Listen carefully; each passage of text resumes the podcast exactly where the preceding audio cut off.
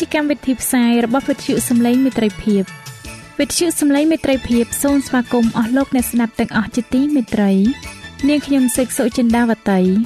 ហើយខ្ញុំបាទអង្ចាន់វិជ្ជៈក៏សូមស្វាគមន៍លោកអ្នកស្ដាប់ទាំងអស់ផងដែរនៅពេលនេះយើងខ្ញុំមានសេចក្តីសុំមនស្សរីករាយដោយបានវិលមកជួបអស់លោកអ្នកនាងកញ្ញាអ្នកស្ដាប់សាជាថ្មីម្ដងទៀត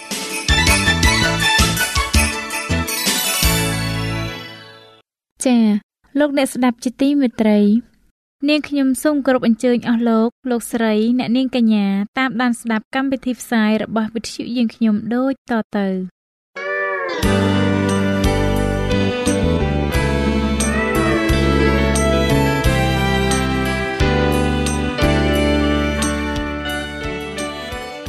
ព្រះបន្ទូលសម្រាប់អ្នកនៅថ្ងៃនេះព្រះគម្ពីរយូហានទី1ចំពុក4ខ20បានចែងថា បើអ្នកណាថាខ្លួនស្រឡាញ់ព្រះ តែស្អប់ដល់បងប្អូនវិញ អ្នកនោះជាអ្នកកុហកបាត់អ្នកណាដែលមិនស្រឡាញ់បងប្អូន ដែលបានមើលឃើញទៅហើយនោះធ្វើដូចម្តេចឡើយឲ្យស្រឡាញ់ដល់ព្រះ ដែលមើលមិនឃើញទៅបាន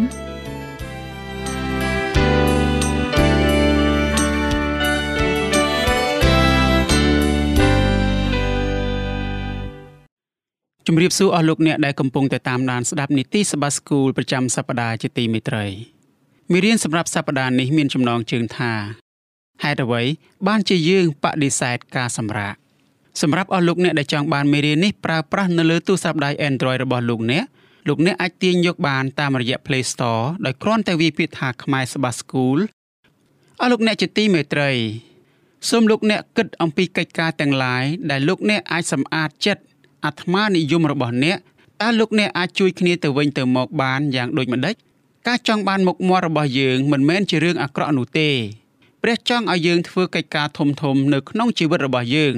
ប៉ុន្តែសេចក្តីប្រាថ្នាចង់បានរបស់ទាំងនេះរបស់យើងបណ្ដាលឲ្យយើងคล้ายទៅជាមានមោទនភាពអាត្មានិយមយ៉ាងដូចម្ដេចតើយើងអាចធ្វើអ្វីដើម្បីជៀសវាងពីគ្រោះថ្នាក់នេះមនុស្សយើងភាកច្រើនមិនបង្ហាញដល់មនុស្សអំពី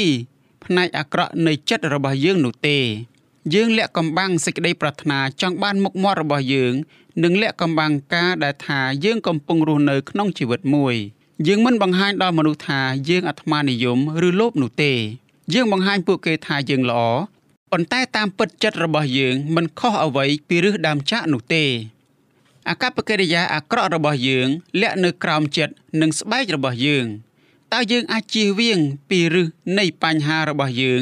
ហើយស្វែងរកការសម្រាកនៅក្នុងព្រះយេស៊ូវបានយ៉ាងដូចម្តេចតើយើងមានសេចក្តីសង្ឃឹមអ្វីប្រសិនបើគ្មានការយាងមកជាលើកទី2នោះអស់លោកអ្នកជាទីមេត្រី ដើមចាក់គឺជាដើមឈើដ៏ល្អវាអាចមានកម្ពស់ពី15ទៅ30ម៉ែត្រឯណោះដើមចាក់ដុះបានយ៉ាងល្អនៅកន្លែងត្រជាក់ដែលមានអាកាសធាតុត្រជាក់នៅរដូវក្តៅមនុស្សប្រើធាងចាក់ដើម្បីធ្វើគ្រឿងសង្ហារឹមឈើគុះនិងក្រដាសជាដើម ក្តាន់និងសត្វផ្សេងផ្សេងទៀតតែងតែស៊ីសម្បកចាក់ខ្ចីខ្ចីជាអាហារនៅរដូវរងាពេលដែលមិនមានអាហារច្រើននៅចិត្តវាសម្បកចាក់ខ្ចីខ្ចីមានសុខភាពល្អនិងមានវីតាមីនជាច្រើន ដើមចាក់ត្រូវការពន្លឺព្រះអាទិត្យជាច្រើន ដើមនេះដុះបានគ្រប់ពេលសូម្បីតែនៅក្នុងរដូវរងាក៏ដោយដូច្នេះដើមឈើនេះ គឺជាអាហារដ៏សំខាន់សម្រាប់សត្វផ្សេងផ្សេងនៅរដូវរងាដើមចាក់គឺជាដើមឈើដែលមានឫសធំជាងគេនៅក្នុងចំណោមប្រភពដើមឈើផ្សេងផ្សេងឫសចាក់ចាក់ចូលទៅក្រោមយ៉ាងជ្រៅធំទូលាយដើមចាក់មួយដើមអាចរស់រហូតដល់ជិត150ឆ្នាំប៉ុន្តែចំណែកឯឫសរបស់វាវិញ អាចរស់នៅក្រោមដីរហូតដល់រាប់ពាន់ឆ្នាំឯណោះការសិក្សារបស់យើងនៅសប្តាហ៍នេះ យើងចង់ពិនិត្យមើលឫសឬហេតុផលមួយចំនួននៃការដែលធ្វើឲ្យយើងមិនបានសម្រាកនៅក្នុងព្រះយេស៊ូវរឿងរ៉ាវជាច្រើនបានរារាំងយើងពីការរកឃើញការសម្រាករឿងរ៉ាវខ្លះងាយស្រួលនឹងប៉ាន់ស្មានប៉ុន្តែរឿងរ៉ាវផ្សេងផ្សេងទៀតដូចជារឹសដើមចាក់ដូចនេះដែរយើងប្រហែលជាមិនតែងតែដឹងអំពីអារម្មណ៍និងអាកប្បកិរិយាដែលបំបែកយើងចេញពីព្រះអង្គសង្គ្រោះនោះទេអស់លោកអ្នកជាទីមេត្រី ព្រះបន្ទូលរបស់ព្រះយេស៊ូវធ្វើឲ្យយើងភ្ញាក់ផ្អើលព្រះយេស៊ូវជាព្រះអង្គសង្គ្រោះព្រះអង្គបានយាងមកកាន់ផែនដីនេះជាទារកយ៉ាងទន់ទាបព្រះអង្គមិនបានមកជាស្ដេចដ៏ធំហើយមានអំណាច ដែលមានអង្គរៈនៅជុំវិញព្រះអង្គនោះទេព្រះយេស៊ូវបានអធិប្បាយអំពីសេចក្តីស្រឡាញ់ដល់អ្នកជិតខាងនិងខ្មាំងសត្រូវរបស់ព្រះអង្គឥឡូវនេះព្រះអង្គមានបន្ទូលប្រាប់ពួកសិស្សរបស់ព្រះអង្គថាព្រះអង្គ នឹងនាំមកនៅការបែកបាក់នៅពេលវេលាពិបាកពិបាកទៅវិញពួកសិស្សរបស់ព្រះអង្គប្រកាសជាបានងឿងឆ្ងល់ដោយយើងរាល់គ្នាដែរតើរឿងនេះកើតឡើងយ៉ាងណាទៅ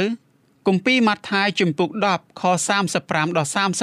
39ពិតជាចែងអំពីភាពស្មោះត្រង់របស់យើងចំពោះព្រះយេស៊ូវព្រះយេស៊ូវមានបន្ទូលពីគម្ពីរមីកាជំពូក7ខ6ទៅកាន់ពួកសិស្សរបស់ទ្រង់ បន្ទាប់មកព្រះអង្គបានសុំឲ្យពួកគេជ្រើសរើសផ្លាស់ប្ដូរជីវិតរបស់ពួកគេជារៀងរហូតមែនហើយក្នុងនាមជាកូន យើងគួរស្រឡាញ់ឪពុកម្ដាយរបស់យើងសេចក្តីស្រឡាញ់នេះគឺជាផ្នែកនៃច្បាប់ដែលព្រះបានប្រទានឲ្យលោកម៉ូសេនៅលើភ្នំស៊ីណាយប៉ុន្តែប្រសិនបើយើងដាក់សេចក្តីស្រឡាញ់របស់យើងចំពោះឪពុកម្ដាយនៅពីមុខសេចក្តីស្រឡាញ់របស់យើងចំពោះព្រះ នោះតើយ៉ាងណាដែរព្រះយេស៊ូវមានបន្ទូលថា យើងមានការសម្រេចចិត្តដ៏ពិបាកយើងត្រូវតែជ្រើសរើសរវាងឪពុកម្ដាយហើយនិងព្រះឪពុកម្ដាយគួរតែស្រឡាញ់ថែរក្សាកូនកូនខ្លួនប៉ុន្តែប្រសិនបើឪពុកម្ដាយដាក់សេចក្តីស្រឡាញ់ចំពោះកូនកូន ធំជាងសេចក្តីស្រឡាញ់ចំពោះព្រះនោះតើយ៉ាងណាទៅវិញ ពេលនោះព្រះយេស៊ូវមានបន្ទូលថាឪពុកម្ដាយមានការសម្រេចចិត្តទាំងពិបាករវាងព្រះហើយនិងកូនកូនព្រះយេស៊ូវត្រូវតែមានមុនគេបង្អស់ នៅក្នុងជីវិតរបស់យើងនេះហើយគឺជាអ្វីដែលព្រះយេស៊ូវកំពុងតែមានបន្ទូលប្រាប់យើងនៅទីនេះព្រះយេស៊ូវប្រើពាក្យមិនគួរឬមិនល្អគ្រប់គ្រាន់3ដងនៅក្នុងព្រះគម្ពីរម៉ាថាយជំពូក10ខ37និងខ38ពាក្យនេះមិនមែនបង្ហាញយើងអំពីការល្អរបស់យើងនោះទេពាក្យនេះគឺអំពីមិត្តភាពរបស់យើងជាមួយនឹងព្រះយេស៊ូវយើងគួរនឹងល្អគ្រប់គ្រាន់នៅពេលយើងជ្រើសរើស ព្រះយេស៊ូវខ្ពស់ជាងអ្វីអ្វីទាំងអស់គឺខ្ពស់ជាងឪពុកម្ដាយហើយនឹងកូនកូនរបស់យើងផង នៅពេលយើងជ្រើសរើសយកព្រះយេស៊ូវយើងក៏ជ្រើសរើសយកឈើឆ្កាងផងដែរលើសពីអ្វីអ្វីទាំងអស់ខ្ញុំចង់ឃើញយុវវ័យរបស់យើង មានពេញទៅដោយវិញ្ញាណនៃសាសនា ដែលនឹងធ្វើឲ្យពួកគេលីឈើឆ្កាងហើយដើរតាមព្រះយេស៊ូវឲ្យយុវជនវ័យក្មេងៗអើយចូលបោះជំហានទៅមុខតាមព្រះយេស៊ូវចុះ ចូលពាក់ជីវិតបរិសុទ្ធរបស់ព្រះអង្គដូចជាសម្លៀកបំពាក់ព្រះអង្គសង្គ្រោះរបស់អ្នកនឹងដឹកនាំអ្នកទៅកាន់ការងារដែលល្អប្រសើរបំផុត ស្របទៅតាមទេពកោសលនិងជំនាញរបស់អ្នកព្រះអង្គនឹងដាក់អ្នកនៅកន្លែងណាដែលអ្នកអាចធ្វើបានល្អបំផុតសម្រាប់ព្រះអង្គភាពអាត្មានិយមគឺដូចគ្នាទៅនឹងរឹសនៃដើមចាកភាពអាត្មានិយមមានរឹសយ៉ាងជ្រៅហៅថាអំពើបាប អំពើបាបរារាំងយើង ពីការសម្រាកពិតប្រាកដនៅក្នុងព្រះយេស៊ូវភាពអាត្មានិយមប្រហែលជាអំពើបាបមួយដែលងាយស្រួលបង្ហាញបំផុតសម្រាប់មនុស្សជាច្រើនភាពអាត្មានិយម គឺកើតឡើងពីកំណើតដូចជាការដកដង្ហើមដែរបរិះម្នាក់សុំឲ្យព្រះយេស៊ូវជួយគាត់បរិះនោះចង់ឲ្យព្រះយេស៊ូវប្រាប់បងប្រុសរបស់គាត់ឲ្យចែកទ្រព្យសម្បត្តិរបស់ឪពុកពួកគាត់ដែលបានស្លាប់ទៅ ប៉ុន្តែព្រះយេស៊ូវប្រកែកមិនព្រមធ្វើជាចៅក្រមរបស់ពួកគេទេព្រះយេស៊ូវប្រាប់បរិះនោះនៅរឿងរ៉ាវជារូបភាពមួយរឿងរ៉ាវពីរូបភាពនេះបង្ហាញពីបញ្ហាយ៉ាងជ្រៅនៅក្នុងចិត្តបងប្អូនទាំងពីរនាក់នេះសូមគិតអំពីវិធីជាច្រើន ដែលអ្នកអាត្មានិយមតើភាពអាត្មានិយមធ្វើឲ្យឈឺចាប់ដល់មិត្តភាពរបស់អ្នកជាមួយនឹងព្រះជាមួយនឹងប្តីប្រពន្ធរបស់អ្នកជាមួយនឹងគ្រួសាររបស់អ្នក ជាមួយនឹងគ្រួសារពួកជំនុំជាមួយនឹងអ្នកចិត្តខាងរបស់អ្នកជាមួយនឹងមនុស្សនៅកន្លែងធ្វើការងាររបស់លោកអ្នកយ៉ាងណាខ្លះអស់លោកអ្នកជាទីមេត្រីព្រះគម្ពីរហ្វីលីបជំពូក2ខ5ដល់ខ8បង្ហាញយើងអំពីអត្ថន័យពិតប្រាកដនៃសេចក្តីស្រឡាញ់សេចក្តីស្រឡាញ់ចំពោះព្រះ និងសេចក្តីស្រឡាញ់ចំពោះមនុស្សដទៃគួរតែជាហេតុផលនៃជំរឿសទាំងឡាយដែលយើងជ្រើសរើស ប្រសិនបើសេចក្តីស្រឡាញ់មិនមែនជាហេតុផលទេនោះយើងនឹងបន្តប្រមូលទ្រព្យសម្បត្តិទុកនៅនគរស្ថានសួគ៌កាន់តែតិចទៅតិចទៅហើយយើងនឹងប្រមូលទ្រព្យសម្បត្តិបន្ថែមសម្រាប់ខ្លួនយើងនៅលើផែនដីនេះវិញសេចក្តីប្រាថ្នាជាខ្លាំងចង់បានល្បីល្បាញនិងអំណាចតើអ្នកចង់មានអារម្មណ៍ក្លាហានពោពេញទៅដោយសេចក្តីសង្ឃឹមឬទេគួរឲ្យសោកស្ដាយណាស់ រឿងរ៉ាវអំពីព្រះយេស៊ូវក៏បង្ហាញយើងអំពីរឿងរ៉ាវដែលមិនល្អអំពីពួកសិស្សរបស់ព្រះអង្គដែរចិត្តរបស់ពួកគេពោពេញទៅដោយចិត្តប្រាថ្នាចង់បានល្បីឈ្មោះនិងអំណាចជាខ្លាំងពួកគេចង់ក្លាយជាមនុស្សសំខាន់នៅក្នុងនគររបស់ព្រះសេចក្តីប្រាថ្នានេះនឹងធ្វើឲ្យពួកគេនឹងនិយាយកិច្ចការផ្ដេសផ្ដាសតើអ្នកណាដែលល្អជាង និងសំខាន់បំផុតនៅក្នុងចំណោមពួកយើង នេះមិនមែនជាលើកទី1ដែលពួកសិស្សរបស់ព្រះយេស៊ូវសួរសំណួរបែបនេះនោះទេព្រះគម្ពីរម៉ាថាយជំពូក18ខ1ប្រាប់យើងថា ពួកសិស្សរបស់ព្រះយេស៊ូវបានសួរព្រះអង្គថាតើអ្នកណា ដែលជាមនុស្សសំខាន់ជាងគេនៅនគរឋានសួគ៌ព្រះយេស៊ូវមិនបានឆ្លើយភ្លាមទេព្រះអង្គចង់បង្រៀនមេរៀនមួយដល់ពួកសិស្សរបស់ព្រះអង្គដូច្នេះព្រះអង្គបានសូមឲ្យមានក្មេងម្នាក់ចូលមកឯទ្រង់បន្ទាប់មកព្រះអង្គបានដាក់ក្មេងនោះ នៅកណ្ដាលក្រុមមនុស្សមនុស្សម្នាក់ម្នាក់ប្រកាសជាងឿងឆ្ងល់ថាតើព្រះយេស៊ូវកំពុងតែធ្វើអ្វីគឺព្រះយេស៊ូវកំពុងតែពន្យល់អំពីរឿងនោះ ដោយទ្រង់បានពន្យល់ថា អ្នកត្រូវតែផ្លាស់ប្ដូរគំនិតហើយត្រឡប់ទៅដូចជាកូនក្មេងម្នាក់នេះបើមិនដូច្នេះទេនោះអ្នកនឹងមិនបានចូលទៅក្នុងនគរព្រះបានឡើយ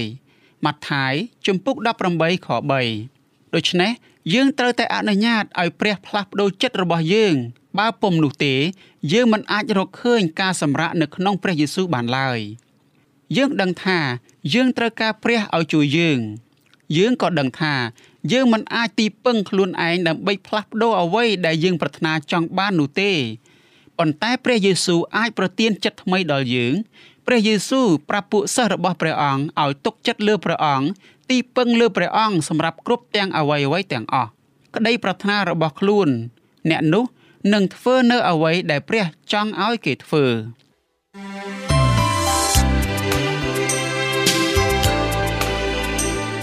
សេចក្តីជំនឿកើតឡើងដោយលឺហើយដែលលឺនោះគឺដោយសារព្រះបន្ទូលនៃព្រះ តាមរយៈវិទ្យុសំឡេងមិត្តភាព AWR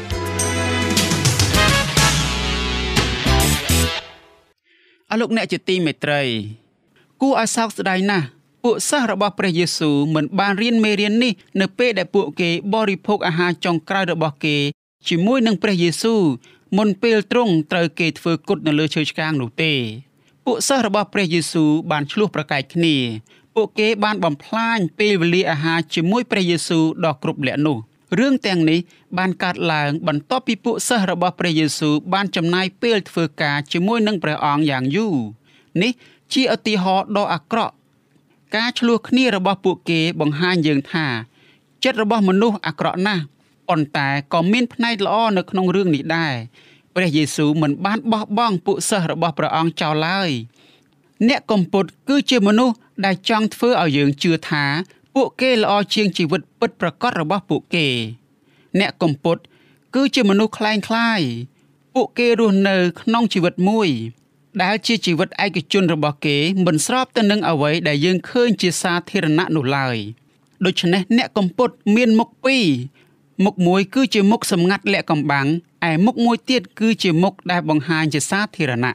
មុខជាសាធារណៈគឺជាមុខដែលពួកគេបង្ហាញដល់យើង មុខសម្ងាត់គឺជាមុខដែលជាលក្ខណៈពិតប្រាកដរបស់ពួកគេព្រះយេស៊ូវមានបន្ទូលពាក្យកម្ពុតនេះ7ដងនៅក្នុងព្រះគម្ពីរម៉ាថាយជំពូក23ព្រះយេស៊ូវហៅមេដឹកនាំសាសនាសាសយូដាថាជាពួកកម្ពុត នៅគម្ពីរម៉ាថាយជំពូក23ខ13និងខ14រហូតដល់ខ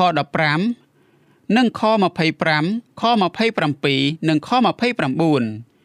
រឿងរ៉ាវនៃគម្ពីរសញ្ញាថ្មីចែងអំពីព្រះយេស៊ូវបង្ហាញអំពីរបៀបដែលព្រះអង្គប្រទានកោតអោនទោសដល់បាបជន បាបជនទាំងនេះភាកច្រើនជាមនុស្សរៀបការរួចហើយ ដែលបានបោកបញ្ឆោតប្តីនិងប្រពន្ធរបស់ខ្លួន ជាអ្នកយកពន្ធជាស្ត្រីរកស៊ីផ្លូវភេទហើយរហូតដល់ឃាតករព្រះយេស៊ូវបានបង្ហាញសេចក្តីមេត្តាករុណាដល់ពួកគេប៉ុន្តែព្រះយេស៊ូវ មិនបានបង្ហាញក្តីមេត្តាករុណាដល់ពួកមនុស្សកំពត់នោះទេលោកអ្នកអាចអានបន្ថែមនៅក្នុងព្រះគម្ពីរម៉ាថាយជំពូក6ខ2និងខ5ខ16និងព្រះគម្ពីរម៉ាថាយជំពូក7ខ5ជំពូក15ខ7ដល់ខ9និងព្រះគម្ពីរម៉ាថាយជំពូក22ខ18អរលោកអ្នកជាទីមេត្រីព្រះយេស៊ូវមានបន្ទូលថា ពួកអ្នកដឹកនាំសាសនាធ្វើកិច្ចការខុស4យ៉ាងពួកអ្នកដឹកនាំទាំងនោះឈ្មោះថាពួកផារ៉ាស៊ីផារ៉ាស៊ីគឺជាពួកអ្នកដែលប្រកាន់ច្បាប់យ៉ាងតឹងរឹងពួកផារ៉ាស៊ីខុសគ្នាដាច់ស្រឡះពីពួកសាដូស៊ីពួកសាដូស៊ីគឺជាមេដឹកនាំសាសនាយូដាមួយក្រុមទៀតពួកគេភាកច្រើនជាអ្នកមាន និងមានអំណាច ពួកសាដូស៊ីនិយាយភាសាក្រិចបានយ៉ាងច្បាស់ ពួកគេដឹងទាំងអស់អំពីសំណេររបស់អ្នកនិពន្ធសាសក្រិចពួកសាដូស៊ីមិនជឿថាព្រះនឹងជំនុំជម្រះមនុស្សទាំងអស់នៅលើផែនដីនេះទេ ពួកសាដូស៊ីក៏មិនជឿលើជីវិតអស់កលដែរព្រះយេស៊ូវមានបន្ទូលថា ទាំងពួកសាដូស៊ីនិងផារ៉ាស៊ីគឺជាអ្នកកំពត់តើសាសសាដូស៊ីនិងពួកផារ៉ាស៊ីជាអ្នកកំពត់យ៉ាងណាទៅព្រះយេស៊ូវមានបន្ទូលថា អ្នកកំពត់ មិនធ្វើនៅអ្វីដែលពួកគេនិយាយថា គេនឹងធ្វើនោះទេ ពួកអ្នកកំពត់ធ្វើឲ្យសាសនាកាន់តែពិបាកសម្រាប់បណ្ដាជនអនុវត្តតាមប៉ុន្តែពួកកំពត់មិនបានធ្វើតាមច្បាប់ដូចគ្នានេះទេពួកអ្នកកំពត់ចង់ឲ្យប្រជាជនសរសើរពួកគេចំពោះអកប្បកិរិយាល្អរបស់គេពួកអ្នកកំពត់ចង់បានកិត្តិយសដែលវាជារបស់ព្រះតែមួយអង្គគត់ព្រះយេស៊ូវមិនសពព្រះハរតីចំពោះមេដឹកនាំសាសនា ហេតុនោះហើយបានជាព្រះអង្គហៅពួកគេថាជាអ្នកកំពត់ប៉ុន្តែព្រះハរតីរបស់ព្រះអង្គពោពេញទៅដោយសេចក្តីស្រឡាញ់សំបីសម្រាប់ពួកអ្នកកំពត់នោះក៏ដោយ ការស្វែងរកការសម្រាកនៅក្នុងព្រះយេស៊ូវព្រះគម្ពីរម៉ាថាយចំពុក14ខ1ដល់ខ6នៅពេលយើងមានអារម្មណ៍អស់កម្លាំងនិងហេវហត់តើយើងអាចធ្វើអ្វីដើម្បីស្វែងរកការសម្រាកនៅក្នុងព្រះយេស៊ូវតើយើងអាចធ្វើដូចម្ដេចដើម្បីបញ្ឈប់ ការមានអារម្មណ៍ផិតភ័យតើយើងត្រូវការអ្វីដើម្បីយកជ័យជំនះលើសង្គ្រាមនៃការបំបែកបំបាក់បាន ចិត្តអាត្មានិយមសេចក្តីប៉ងប្រាថ្នាចង់បានមុខមាត់និងសេចក្តីប្រាថ្នាចង់បានឈ្មោះល្បីនិងអំណាចនិងការរស់នៅជាជីវិតមួយ ការសម្រេចពិតប្រកបតែងតែចាប់ផ្ដើមជាមួយនឹងព្រះយេស៊ូវព្រះយេស៊ូវជាផ្លូវជាសេចក្តីពិត ហើយជាជីវិតព្រះអង្គជ្រាបនៅទិសដៅត្រឹមត្រូវដែលយើងគួរតែធ្វើដំណើរទៅ ព្រះអង្គគឺជាព្រះដែលប្រទានច្បាប់ព្រះអង្គគឺជាសេចក្តីពិតទ្រង់បានបង្កើតសាច់ឈាមវិញ្ញាណរបស់ទ្រង់នឹងដឹកនាំយើងចូលទៅក្នុងគ្រប់ទាំងសេចក្តីពិតព្រះគម្ពីរយូហានជំពូក16ខ3តើអ្នកកំពុងមានអារម្មណ៍ឈឺចាប់អស់កម្លាំងហេវហត់ឈឺស្កាត់និងបាក់ទឹកចិត្តដែរឬទេ នៅពេលនោះព្រះយេស៊ូវមិនមែនគ្រាន់តែជាជីវិតប៉ុណ្ណោះទេនោះហើយជាមូលហេតុដែលព្រះយេស៊ូវសន្យាជាមួយយើងថានឹងប្រទានជីវិតដ៏ល្អនោះ ពោពេញដល់យើងគម្ពីរយូហានជំពូក10ខ10សេចក្តីសន្យានេះក៏រួមបញ្ចូលនៅជីវិតអស់កលរបស់យើង និងផ្ទះរបស់យើងជាមួយនឹងព្រះយេស៊ូវផងដែរនៅពេលជាមួយគ្នានេះសេចក្តីសន្យារួមបញ្ចូលទាំងជីវិតដ៏ល្អប្រសើរមួយជាមួយព្រះយេស៊ូវនៅទីនោះនិងឥឡូវនេះផងដែរព្រះយេស៊ូវមានបន្ទូលប្រាប់យើងថាកុំឲ្យចិត្តអ្នករាល់គ្នាថប់បារម្ភឡើយព្រះគម្ពីរយូហានជំពូក14ខ1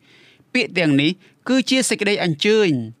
ព្រះយេស៊ូវអញ្ជើញយើងឲ្យទុកចិត្តលើទ្រង់នៅពេលដែលយើងមានអារម្មណ៍ទន់ទាបព្រះអង្គនឹងប្រទាននៅសេចក្តីសង្ឃឹមដល់យើងនៅពេលយើងខិតខំប្រឹងប្រែងប្រយុទ្ធទាស់នឹងអំពើបាបព្រះយេស៊ូវនឹងជួយយើងឲ្យមានជ័យជំនះលើសង្គ្រាមនោះព្រះអង្គនឹងបង្ហាញកិច្ចការល្អរបស់ព្រះអង្គ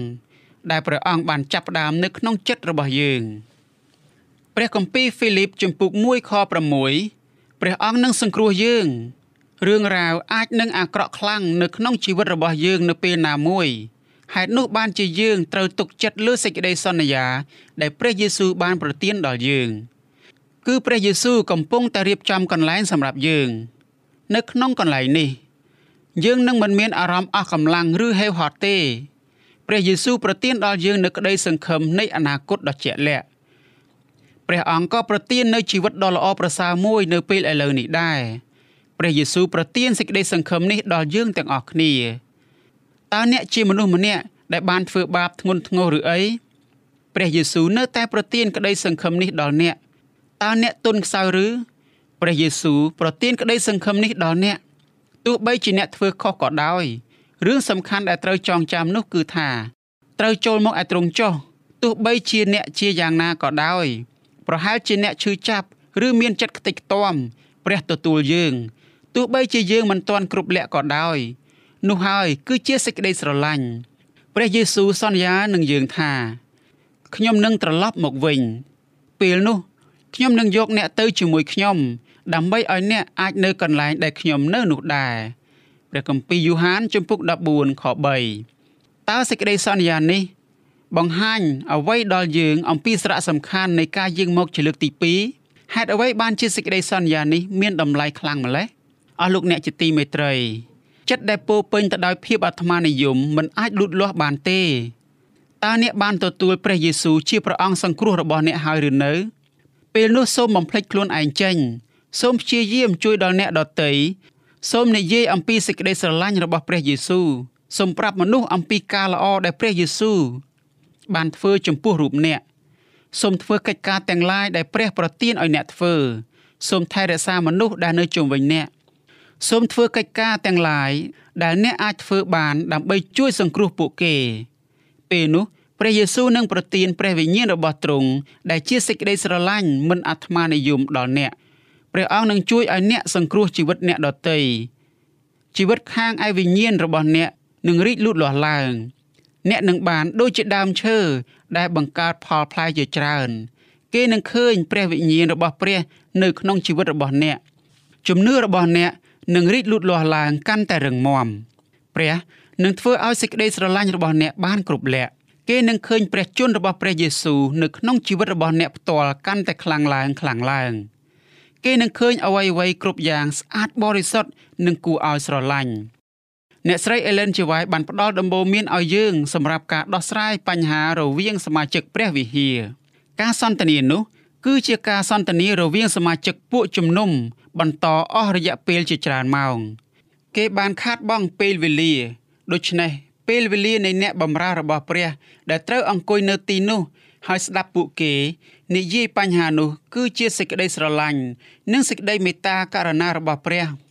នៅមិនមានជីវិតរស់រវើកនៅក្នុងចិត្តរបស់សមាជិកពួកជំនុំទេពួកគេគួរតែសម្អាតឲ្យអស់នៅចិត្តអាត្មានិយមទាំងអំនួតរបស់ពួកគេចេញ ពេលនោះបញ្ហាភាគច្រើននឹងត្រូវបានដោះស្រាយតែក្នុងរយៈពេល5នាទីតែប៉ុណ្ណោះអស់លោកអ្នកជាទីមេត្រីព្រះគម្ពីរយ៉ាកុបជំពូក3ខ16បានចែងថាត្បិតកន្លែងណា ដែលមានសេចក្តីច្រណែននិងសេចក្តីគំនុំ នោះក៏មានវឹកវរនិងសេចក្តីអាក្រក់គ្រប់យ៉ាងដែរអស់លោកអ្នកជាទីមេត្រី តាមរយៈមេរៀននេះសូមអស់លោកអ្នកបានចូលមកឲ្យព្រះជាម្ចាស់នៃសេចក្តីស្រឡាញ់ព្រមទាំងទទួលបាននៅព្រះពរពីទ្រង់ផងដែរជាពិសេសសូមឲ្យអស់លោកអ្នកបានទទួលនៅការសម្រាកពីព្រះអង្គគឺការសម្រាកដ៏មានពោពេញទៅដោយសេចក្តីអំណរនិងសុភមង្គល នឹងបង្កើនបានជាទំនាក់ទំនងយ៉ាងជិតស្និទ្ធនិងស៊ីជម្រៅជាមួយនឹងព្រះជាម្ចាស់តាមរយៈការសម្រាកនៅក្នុងព្រះយេស៊ូវសូមឲ្យព្រះជាម្ចាស់ទ្រង់បានប្រទានពរដល់បងប្អូនទាំងអស់គ្នាអាមែន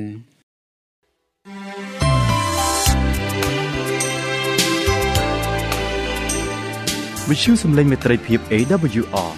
មានផ្សាយពីរដងក្នុងមួយថ្ងៃ គឺព្រឹកនៅម៉ោង6និងពេលយប់នៅម៉ោង8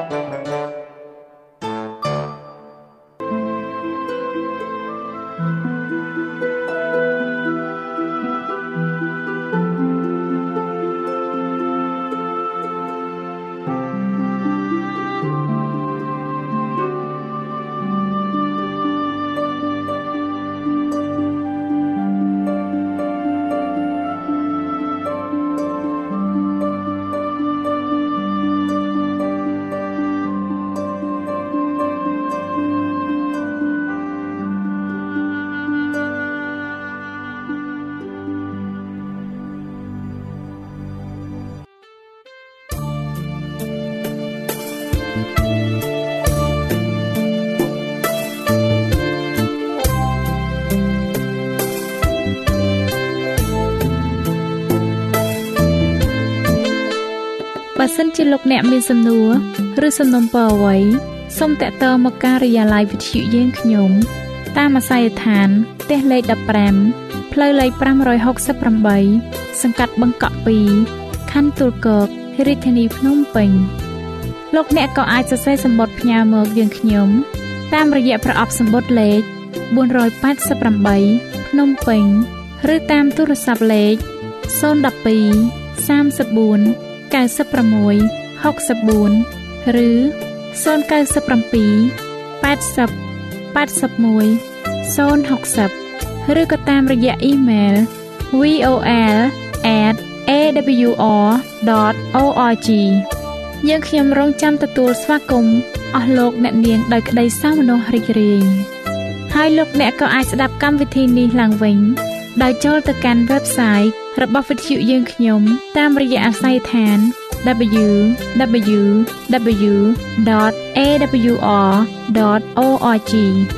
លោកអ្នកនាងកញ្ញាជាទីមេត្រី កម្មវិធីផ្សាយរបស់វិទ្យុសំឡេងមេត្រីភាពនៅពេលនេះសូមបញ្ចប់តែប៉ុណ្ណេះយើងខ្ញុំសូមអរគុណចំពោះការតាមដានស្ដាប់របស់អស់លោកអ្នកតាំងពីដើមរហូតដល់ចប់យើងខ្ញុំសូមជូនពរឲ្យអស់លោកអ្នកនាងកញ្ញាទាំងអស់បានចម្រើនឡើងក្នុងព្រះគុណព្រះអង្គម្ចាស់ ហើយក្នុងការទទួលយកព្រះយេស៊ូវគ្រីស្ទជាព្រះអង្គម្ចាស់និងជាព្រះអង្គសង្គ្រោះនៃយើងរាល់គ្នានាទីផ្សាយរបស់វិទ្យុយើងខ្ញុំនឹងវិលមកជួបអស់លោកអ្នកសាជាថ្មីម្ដងទៀតនៅថ្ងៃស្អែកវេលាម៉ោងដដែលនាងខ្ញុំសេកសុចិន្តាវតីនិងខ្ញុំបាទអ៊ំច័ន្ទវិជ្ជៈសូមអរគុណសូមជម្រាបលា